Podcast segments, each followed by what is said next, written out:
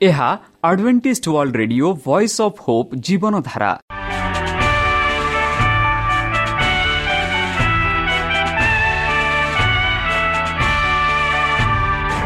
Odia radio କାର୍ଯ୍ୟକ୍ରମ ଯାହା ଆମର ଆନ୍ତର୍ଜାତୀୟ ଆଘାତ କେନ୍ଦ୍ରରୁ ପ୍ରସାରଣ କରାଯାଉଛି ପ୍ରତିଦିନ ରାତି ନଅଟା ତିରିଶ ମିନିଟ୍ରେ। ମୁଁ ସୁବ୍ରତ କୁମାର ପତି ପ୍ରେମର ସହ ଆପଣମାନଙ୍କୁ ଏହି କାର୍ଯ୍ୟକ୍ରମକୁ ସ୍ୱାଗତ କରୁଅଛି। ଚାଲନ୍ତୁ ଆଜିର ତିରିଶ ମିନିଟ୍ର କାର୍ଯ୍ୟକ୍ରମ ବିଷୟରେ ଜାଣିନେବା। ପ୍ରଥମେ ରଖିଛୁ ଆଧ୍ୟାତ୍ମିକ ଭକ୍ତିମୟ ଗୀତ। ଏହାପରେ ଶୁଣିବା ସ୍ୱାସ୍ଥ୍ୟ ବିଷୟରେ ଯାହା ଆମର ଦୈନିକ ଜୀବନରେ ଅତ୍ୟନ୍ତ ଜରୁରୀ। ଆଉ ପରିଶେଷରେ ଶୁଣିବା ପରମେଶ୍ୱରଙ୍କ ଭକ୍ତଙ୍କଠାରୁ ଜୀବନଦାୟକ ଈଶ୍ୱରଙ୍କ ବାକ୍ୟ। ପ୍ରିୟ ଶ୍ରୋତା ତାହେଲେ ଚାଲନ୍ତୁ ଶୁଣିବା ଏକ ଆଧ୍ୟାତ୍ମିକ ଭକ୍ତିମୟ ଗୀତ।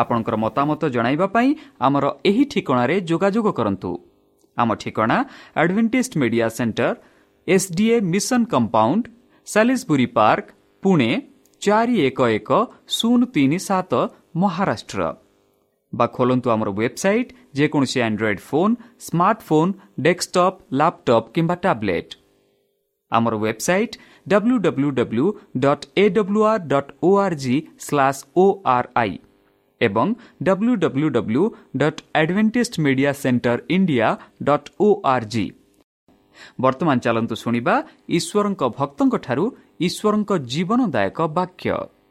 ମାଠିରେ ଈଶ୍ୱରଙ୍କ ଅନୁଗ୍ରହ। ନମସ୍କାର ପ୍ରିୟ ଶ୍ରୋତା। ସେହି ସର୍ବଶକ୍ତି ସର୍ବଜ୍ଞାନୀ ପ୍ରେମର ସାଗର ଦୟାମୟ ଅନ୍ତର୍ଜମୀ ଅନୁଗ୍ରହ ପରମ ପିତାଙ୍କ ମଧୁର ନାମରେ ମୁଁ ଫାଷ୍ଟ ପୂର୍ଣ୍ଣ ଚନ୍ଦ୍ର ଆଉ ଥରେ ଆପଣମାନଙ୍କୁ ଏହି କାର୍ଯ୍ୟକ୍ରମରେ ସ୍ୱାଗତ କରୁଅଛି। ପ୍ରିୟ ଶ୍ରୋତା ସେହି ସର୍ବଶକ୍ତି ପରମେଶ୍ୱର ଆପଣମାନଙ୍କୁ ଆଶୀର୍ବାଦ କରନ୍ତୁ। ଆପଣଙ୍କୁ ସମସ୍ତ ପ୍ରକାର ଦୁଃଖ କଷ୍ଟ ବାଧା କ୍ଲେଶ ଓ ରୋଗରୁ ଦୂରେଇ ରଖନ୍ତୁ। ଶତ୍ରୁ ସୈତାନ ହସ୍ତରୁ ସେ ଆପଣଙ୍କୁ ସୁରକ୍ଷାରେ ରଖନ୍ତୁ। ତାହାଙ୍କ ପ୍ରେମ ତାହାଙ୍କ ସ୍ନେହ ତାହାଙ୍କ କୃପା ତାହାଙ୍କ ଅନୁଗ୍ରହ ସଦାସର୍ବଦା ଆପଣଙ୍କଠାରେ ସହବର୍ତ୍ତୀ ରହୁ। ପ୍ରିୟସତା ଚାଲନ୍ତୁ ଆଜି ଆମ୍ଭେମାନେ କିଛି ସମୟ ପବିତ୍ର ଶାସ୍ତ୍ର ବାଇବଲ ଠାରୁ ତାହାଙ୍କ ଜୀବନଦାୟକ ବାକ୍ୟ ଧ୍ୟାନ କରିବା। ଆଜିର ଆଲୋଚନା ହେଉଛି ମାଟିରେ ଈଶ୍ୱରଙ୍କ ଅନୁଗ୍ରହ। ବନ୍ଧୁ ଆମ ଭାରତ ଦେଶରେ ପ୍ରାୟ ଷାଠିଏ ଟୁ ସତୁରି ପରସେଣ୍ଟ କୃଷକ ଅଛନ୍ତି ଆଉ ଆମ ଭାରତ ଭାରତ ଦେଶ ପ୍ରାୟ କୃଷକମାନ କୃଷକମାନଙ୍କ ଉପରେ ନିର୍ଭର କରି ଜୀବନକୁ ପରିଚାଳନା କରିଥାନ୍ତି ବନ୍ଧୁ ଯେହେତୁ କୃଷକମାନେ ଯେବେ ତାଙ୍କ ବିହନ ମଞ୍ଜି ଭୂମିରେ ପକାନ୍ତି ବା ବୁଣନ୍ତି। ବୁଣିଲା ପରେ ସେମାନେ ସେହି ପରମେଶ୍ୱରଙ୍କ ଉପରେ ନିର୍ଭର କରି ଯେବେ ଭଲରେ ବର୍ଷା ହେବ ଯଦି ମାଟି ଭଲ ଥିବ ଆଉ ଯଦି ଈଶ୍ୱରଙ୍କ ଅନୁଗ୍ରହ ଥିବ ସେହି ଜମିମାନଙ୍କଠାରେ ବହୁତ ରୂପରେ ଶସ୍ୟ ହୋଇଥାଏ। ଆଜିର ଆଲୋଚନା ହେଉଛି ମାଟିରେ ଈଶ୍ୱରଙ୍କ ଅନୁଗ୍ରହ। ବନ୍ଧୁ ଆମେ କେତେ ଦିନ ଧରି ବୁଣାଳିଙ୍କ ଦୃଶ୍ୟ ଦୃଷ୍ଟାନ୍ତ ଉପରେ ଆମେ ଆଲୋଚନା କରୁଛୁ। ସେହି ଦୃଷ୍ଟାନ୍ତରେ ଆମେ ଦେଖିଛୁ ସେହି ବୁଣାଳି କି ବିଭିନ୍ନ ଯେବେ ସେ ବୁଣେ ସେ ମଞ୍ଜି ବିଭିନ୍ନ ସ୍ଥାନରେ ପଡ଼ିଥାଏ। ଆଉ ଯେଉଁ ମଞ୍ଜି ଭଲ ଭୂମିରେ ବା ଭଲ ମାଟିରେ ପଡ଼ିଥାଏ ସେଇ ମଞ୍ଜି ଭଲ ଭାବରେ ବଢ଼େ ଆଉ ଭଲ ଗୁଣରେ ଶସ୍ୟ ଆଣେ। ବନ୍ଧୁ କିଛି ଶୁଣା ଲୋକ ଏଥିରୁ ଏକତ୍ରିତ ହୋଇଥିଲେ ଯେ ଖ୍ରୀଷ୍ଟ ଏକ ପୃଥିବୀ ରାଜ୍ୟ ପ୍ରତିଷ୍ଠା କରିବେ ନାହିଁ ବୋଲି ଏବଂ ଅନେକ କୌତୁହଳପୂର୍ଣ୍ଣ ଏବଂ ବିସ୍ପତ୍ମ ଥିଲେ। ସେମାନଙ୍କର ବିସ୍ମୟ ଦେଖି ଖ୍ରୀଷ୍ଟ ଅନ୍ୟ ଚିତ୍ର ବ୍ୟବହାର କରିଥିଲେ। ତଥାପି ଏକ ସାଂସାରିକ ରାଜ୍ୟ। ଆଶାରୁ ଆତ୍ମାର ଈଶ୍ୱରଙ୍କ ଅନୁଗ୍ରହର କାର୍ଯ୍ୟକୁ ସେମାନଙ୍କ ଚିନ୍ତାଧାରାକୁ ବଦଳାଇବାକୁ ଚାହୁଁଥିଲେ। ବନ୍ଧୁ ଏବଂ ସେ କହିଥିଲେ ଏହିପରି ଈଶ୍ୱରଙ୍କ ରାଜ୍ୟ ମଧ୍ୟ ଯେପରି ଜଣେ ବ୍ୟକ୍ତି ଭୂମିରେ ବିହନ ପକାଇବା ଉଚିତ ଏବଂ ଶୋଇବା ଉଚିତ ଏବଂ ରାତି ଏବଂ ଦିନ ଉଠିବା ଉଚିତ ଏବଂ ମଞ୍ଜି ବସନ୍ତ ହେବା ଉଚିତ ଏବଂ ବଡ଼ ହେବା ଉଚିତ। ସେ କିପରି ଜାଣନ୍ତି ନାହିଁ ପୃଥିବୀ ପାଇଁ ନିଜର ଫଳ ଆଣନ୍ତୁ। ପ୍ରଥମେ ତା ପକେ କାନ ଏହାପରେ କାନରେ ପୂର୍ଣ୍ଣ ମକା।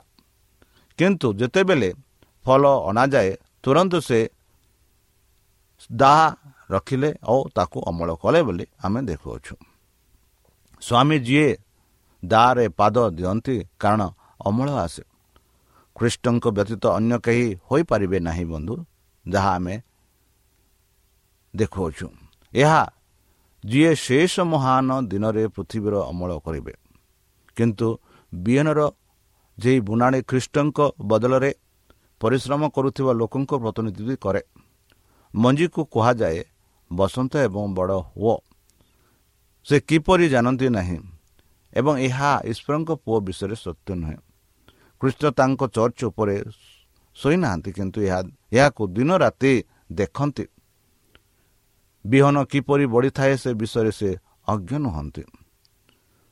ବିହନର ଦୃଷ୍ଟକୁ ଜଣାଇ ପଡ଼ୁଛି ଯେ ଦୃଷ୍ଟାନ୍ତରେ ଜଣାପଡ଼ୁଛି ଯେ ଈଶ୍ୱର ପ୍ରକୃତିରେ କାର୍ଯ୍ୟରେ ଲାଗି ରହିଛନ୍ତି। ବିହନର ନିଜେ ଏକ ଗଜା ନୀତି ଅଛି। ଏକ ନୀତି ଯାହା ଈଶ୍ୱରଙ୍କ ନିଜେ ପ୍ରତିରୋପଣ କରନ୍ତି। ତଥାପି ଯଦି ନିଜ ଉପରେ ଛାଡ଼ି ଦିଅନ୍ତି ତେବେ ବିହନରେ ବସନ୍ତ ହେବାର କୌଣସି ଶକ୍ତି ରହିବ ନାହିଁ। ଶସ୍ୟର ଅଭିବୃଦ୍ଧିକୁ ପ୍ରୋତ୍ସାହିତ କରିବାରେ କାର୍ଯ୍ୟ କରିବାକୁ ମଣିଷର ଭୂମିକା ଅଛି ବନ୍ଧୁ। ସେ ନିଶ୍ଚିତ ଭାବରେ ମାଟି ପ୍ରସ୍ତୁତ କରିବ ଏବଂ ସମୃଦ୍ଧ କରିବା ଏବଂ ମଞ୍ଜିରେ ପକାଇବା ଆବଶ୍ୟକ। ସେ କ୍ଷତ ପର୍ଯ୍ୟନ୍ତ ନିଶ୍ଚୟ କରନ୍ତି କିନ୍ତୁ ଏକ ବିନ୍ଦୁ ଅଛି ଯାହା ବାହାରେ ସେ କିଛି ହାସଲ କରିପାରିବେ ନାହିଁ। ଜୀବନ୍ତ ଉଦ୍ଧିବ ବିହନରୁ ମଣିଷର କୌଣସି ଶକ୍ତି କିମ୍ବା ଜ୍ଞାନ ଆଣିପାରିବ ନାହିଁ। ମଣିଷଙ୍କୁ ମଣିଷକୁ ତାଙ୍କର ପ୍ରୟାସକୁ ଅଧ୍ୟତିକ ସୀମା ପର୍ଯ୍ୟନ୍ତ ରଖିବାକୁ ଦିଅ। ସେ ତଥାପି ଜଣେ ଉପରେ ନିର୍ଭର କରିବା ଆବଶ୍ୟକ। ଯିଏ ବୁଣିବା ଏବଂ ନିଜର ସର୍ବଶକ୍ତିମାନ ଶକ୍ତିର ଚମତ୍କାର ଲିଙ୍କ ଦ୍ୱାରା କାଟିବା ସହିତ ସଂଯୁକ୍ତ କରିଛନ୍ତି। ବନ୍ଧୁ ମଞ୍ଜିରେ ଜୀବନ ଅଛି ମାଟିରେ ଶକ୍ତି ଅଛି କିନ୍ତୁ ଯେ ପର୍ଯ୍ୟନ୍ତ ଦିନ ରାତି ଏକ ଅସୀମ ଶକ୍ତି ବ୍ୟବହାର ନ ହୁଏ ବିହନ କୌଣସି ଉପରେ ବିହନ କୌଣସି ରୂପରେ ଗଜିବ ନାହିଁ। ଦୁଷ୍ଟାର୍ଥ କ୍ଷେତ୍ରରୁ ଆଦର୍ଶ ଦେବା ପାଇଁ ବର୍ଷାର ବର୍ଷା ପଠାଯିବା ଆବଶ୍ୟକ। ସୂର୍ଯ୍ୟ ଉତ୍ପତ୍ତା ପ୍ରଦାନ କରିବା ଆବଶ୍ୟକ। ପୋତି ହୋଇଥିବା ମଞ୍ଜିକୁ ବିଦ୍ୟୁତ୍ୱ ଜଣାଇବା ଆବଶ୍ୟକ। ସୃଷ୍ଟିକର୍ତ୍ତା ଯେଉଁ ଜୀବନ ପ୍ରତିରୋପଣ କରିଛନ୍ତି ସେ କାହାକି ଡାକିପାରିବେ? ପ୍ରତ୍ୟେକ ମଞ୍ଜି ବଳେ ପ୍ରତ୍ୟେକ ଉଭିଦ ଈଶ୍ୱରଙ୍କ ଶକ୍ତି ଦ୍ୱାରା ବିକାଶିତ ହୋଇଥାଏ। ଯେହେତୁ ପୃଥିବୀ ତାଙ୍କ କଳିକୁ ଆଣେ ଏବଂ ବଗିଚାରୁ ବୁଣା ଯାଇଥିବା ଜିନିଷ ଗୁଡ଼ିକ ବସନ୍ତ କରିବାକୁ କାରଣ ହୁଏ।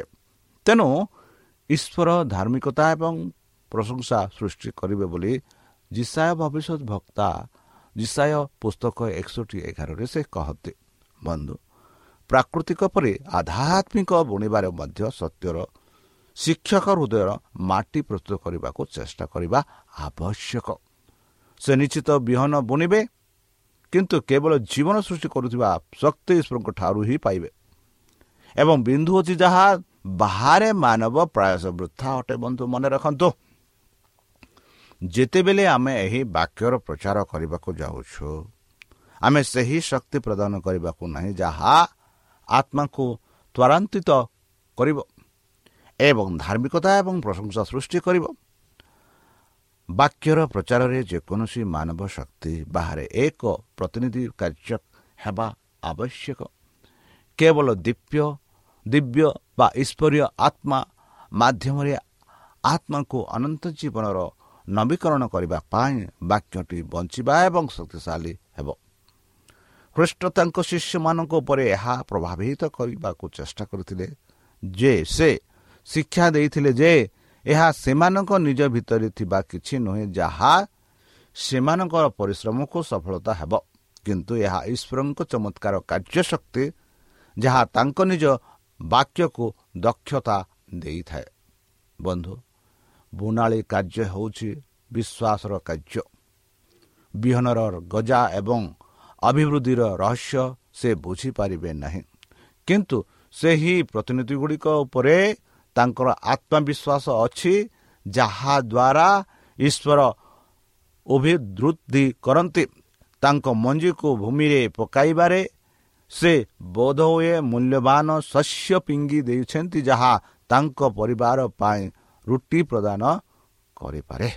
କିନ୍ତୁ ସେ କେବଳ ଏକ ବୃହତ୍ତ ପ୍ରତ୍ୟାବର୍ତ୍ତନ ପାଇଁ ଏକ ବର୍ତ୍ତମାନର ଫଳ ତ୍ୟାଗ କରୁଛନ୍ତି। ସେ ବିହନକୁ ଦୂରେଇ ରଖିଲେ ଏବଂ ପ୍ରଚୁର ଅମଳରେ ଏହା ଅନେକ ଗୁଣ ସଂଗ୍ରହ କରିବାକୁ ଆଶା କରେ।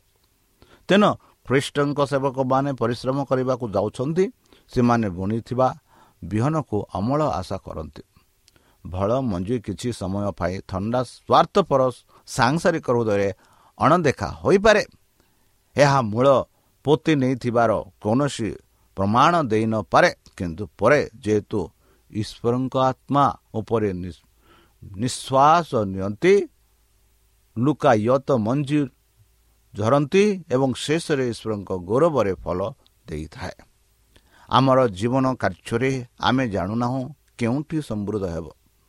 ଏହା କିମ୍ବା ତାହା ନୁହେଁ। ଏହା ଆମ ପାଇଁ ସମାଧାନ କରିବାର ପ୍ରଶ୍ନ ନୁହେଁ ବନ୍ଧୁ। ଆମେ ଆମର କାର୍ଯ୍ୟ କରିବାକୁ ଏବଂ ସଫଳତା ଫଳାଫଳକୁ ଈଶ୍ୱରଙ୍କ ସହିତ ଛାଡ଼ିବାକୁ ଯାଉଛୁ। ସକାଳେ ତୁମର ତୁମ୍ଭର ମଞ୍ଜି ବୁଣ ଏବଂ ସନ୍ଧ୍ୟାରେ ପତଳା ହାତକୁ ଅଟକାଇ ରଖ ନାହିଁ। ଏହିପରି ରିଜିକିଅଲ ଏଗାର ଛରେ ଆମେ ପାଉଛୁ। ବନ୍ଧୁ ଈଶ୍ୱରଙ୍କ ମହାନ ଚୁକ୍ତି ଘୋଷଣା କରେ ଯେ ଯେତେବେଳେ ପୃଥିବୀ ଅବଶିଷ୍ଟ ବିହନ ସମୟ ଏବଂ ଅମଳ ବନ୍ଦ ହେବ ନାହିଁ।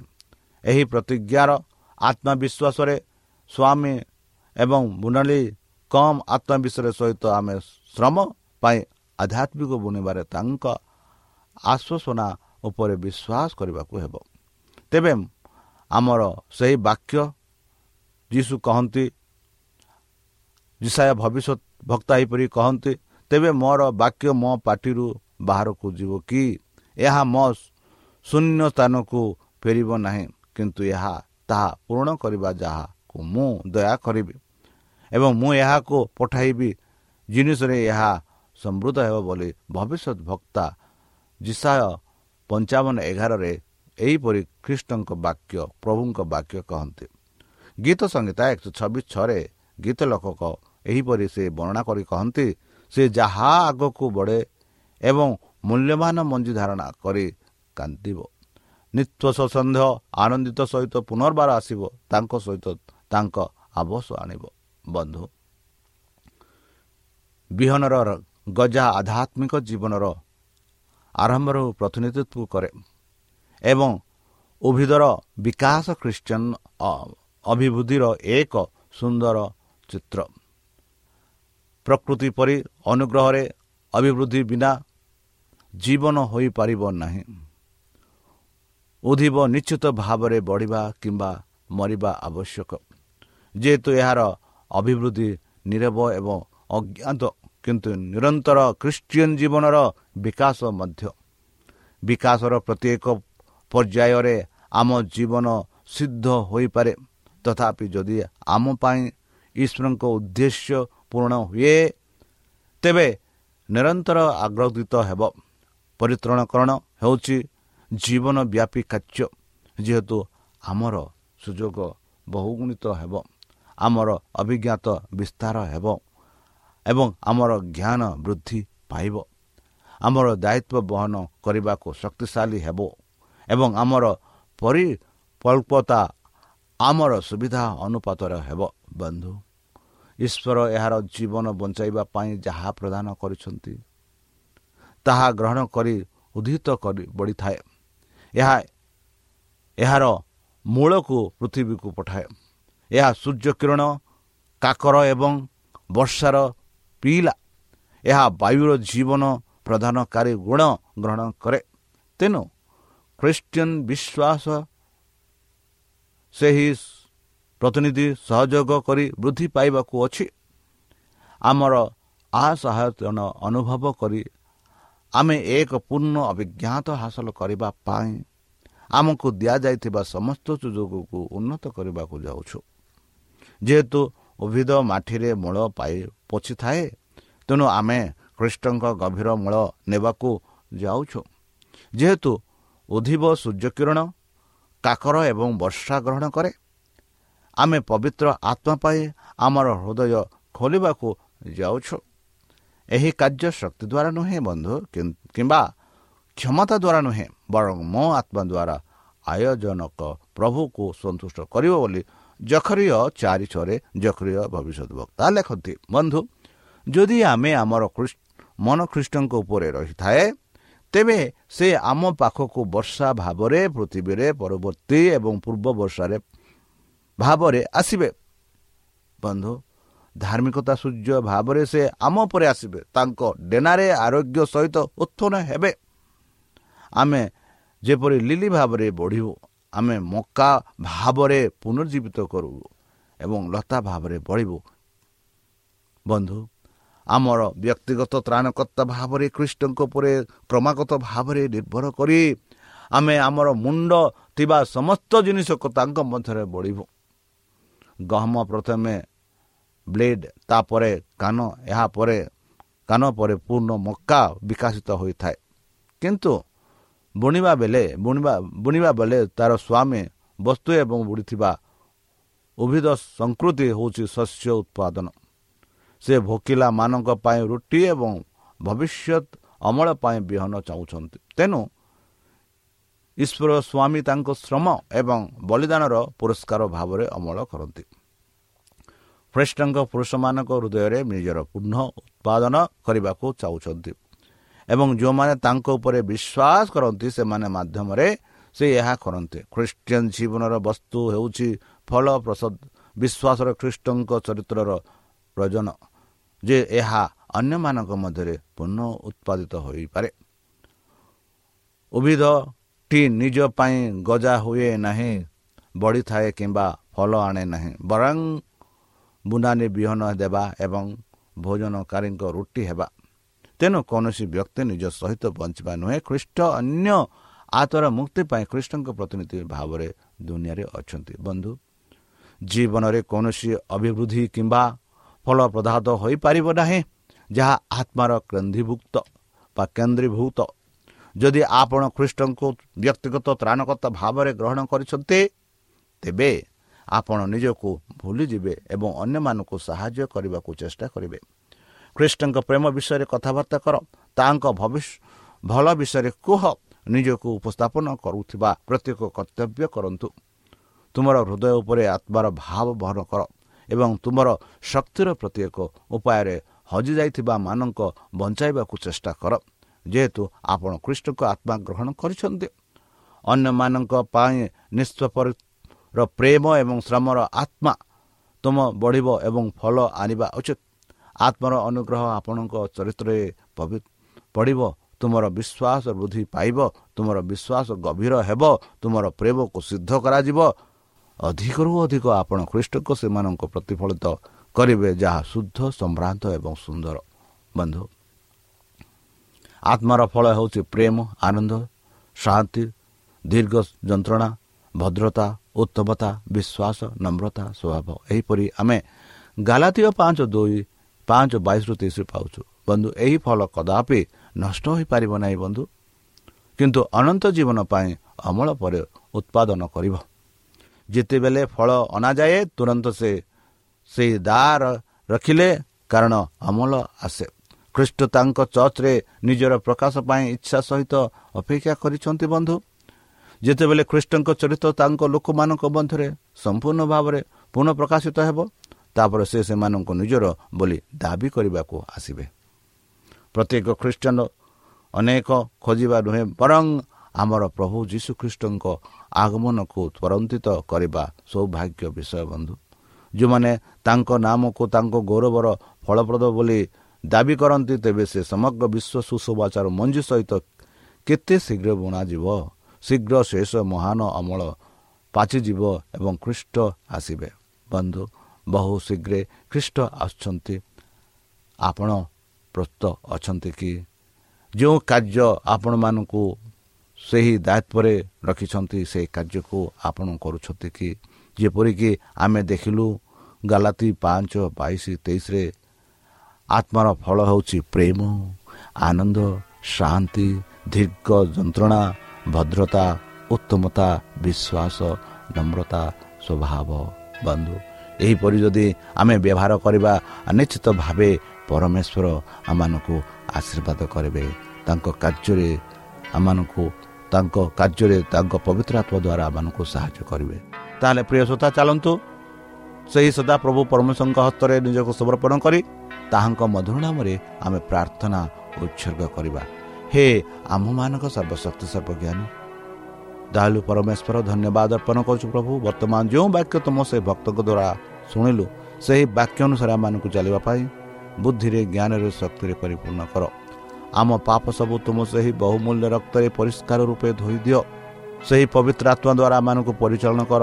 ଶତ୍ରୁ ସୈତାନ ହସ୍ତରୁ ଆମମାନଙ୍କୁ ଦୂରେଇ ରଖ। ବିଶେଷ ଭାବରେ ବର୍ତ୍ତମାନ ଯେଉଁ କରୋନା ମହାମାରୀ ସାରା ପୃଥିବୀକୁ ଆପଣା ପ୍ରଭାବ ଦେଖାଉଛି ସେହି ପ୍ରଭାବରୁ ଆମମାନଙ୍କୁ ଦୂରେଇ ରଖ।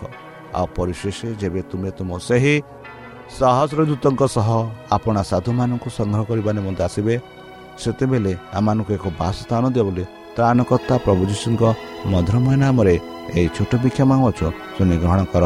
ଆମେନ୍।